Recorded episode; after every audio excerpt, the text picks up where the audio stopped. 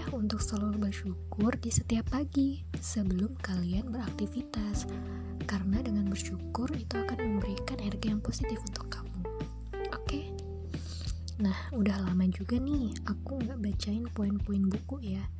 Kali ini aku bakal bacain dari buku yang berbeda nih, yang berjudul The Things You Can See Only When You Slow Down, karya dari He Min Suning. Nah, tagline dari buku ini yaitu How to be calm in a busy world. Jadi gimana sih e, caranya supaya kita tetap berpikiran tenang, tetap berpikiran positif walaupun kita ini benar-benar sibuk. Terus juga gimana caranya biar kita mengambil suatu keputusan dengan kepala yang benar-benar tenang,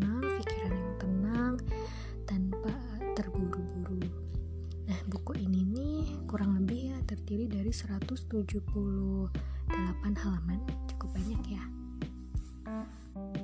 Nah, langsung aja aku bakal bacain salah satu poin di buku tersebut uh, yaitu subbabnya adalah Three Liberating Insights. Oke, yang pertama itu kenapa sih kita uh, terlalu banyak menghabiskan waktu kita untuk mengkhawatirkan bagaimana kita di pandangan orang lain, bagaimana penampilan kita di mata orang lain.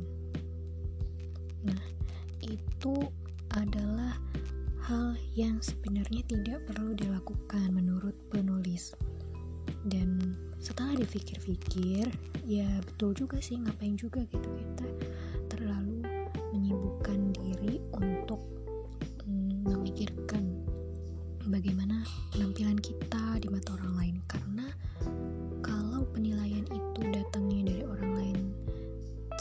terus-terusan gitu ya.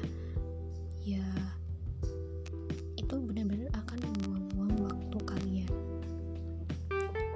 dan di sini diterangin bahwa kita hanya perlu fokus terhadap diri kita sendiri.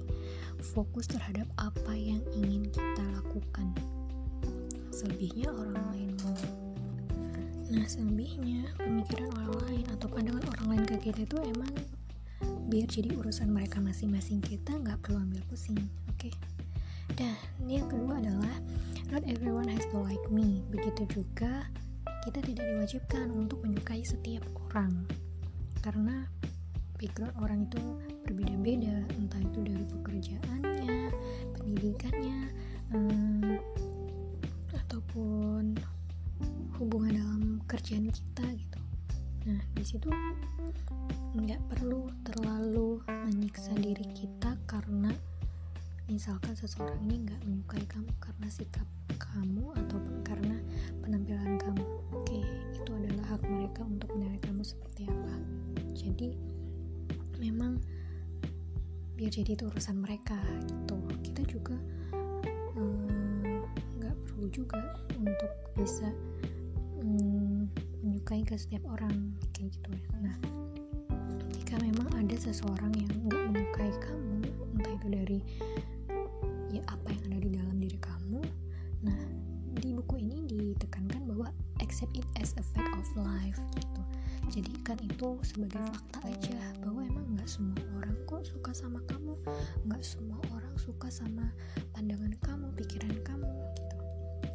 Karena kita juga tidak bisa mengontrol bagaimana perasaan mereka terhadap kamu gitu. Jadi if someone doesn't like you let her have her opinion her atau his gitu. Ya udah move on aja gitu. Oke. Okay. nah poin yang ketiga adalah ketika kita ini hmm, jujur terhadap diri kita sendiri bahwa apa yang kita lakukan untuk orang lain ini faktanya adalah untuk diri kita sendiri. Art, artinya ya hmm, ketika kita uh, menanam ataupun menuai kebaikan tentunya di hari kemudian kalian akan mendapatkan uh, kebaikan ataupun uh, secara tidak langsung kebaikan itu akan kembali lagi kepada diri kalian. Kita juga uh, tentunya berdoa ya dengan secara khusyuk dengan penuh ketulusan dalam dalam hati untuk keluarga kita bahwa memang masih perlu mereka masih perlu kehadiran mereka di sekeliling kita. Jadi tidak salah kalau kita mendoakan keluarga kita. Terus juga um, kita ketika kita punya anak ketika kita sudah memiliki anak itu kita juga berharap bahwa semoga nantinya anak-anak kita ini dapat berkembang dapat tumbuh sesuai dengan yang kita maupun yang anak-anak inginkan gitu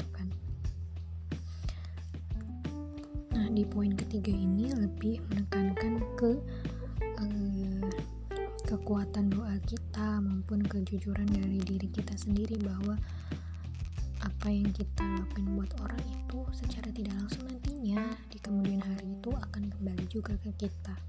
Jadi kita harus tetap berhati-hati dalam um, menjalani kehidupan di sini baik itu kebaikan ataupun keburukan tentunya harus kita pikirkan matang-matang nah di sini uh, ada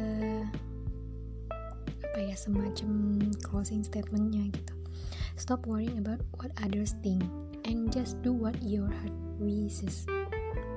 Jadi udah deh kita harus stop benar-benar apa yang orang lain pikirin untuk kita. Kalaupun um, pandangan orang lain kita itu positif ya kita terima dengan positif maksudnya oh ternyata memang masih ada orang yang mendukung ataupun ada orang yang setuju. Pun kalau memang um, pemikiran orang itu bertentangan dengan kita oh ya udah harus terima itu bahwa emang pada dasarnya nggak semua orang setuju. Karena kepala tiap orang itu kan beda-beda gitu kan ya. Nah only when you are happy can you help to make the world a happier place. Jadi kita ini harus mengkondisikan diri kita terlebih dahulu untuk happy. Karena dengan kita happy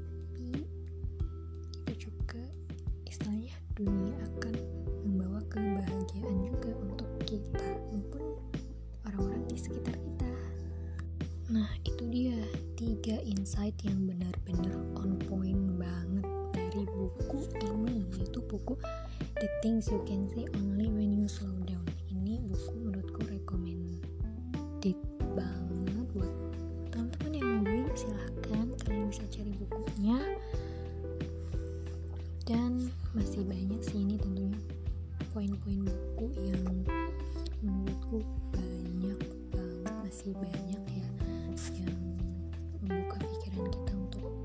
lebih berpikiran positif berpikiran tenang gitu.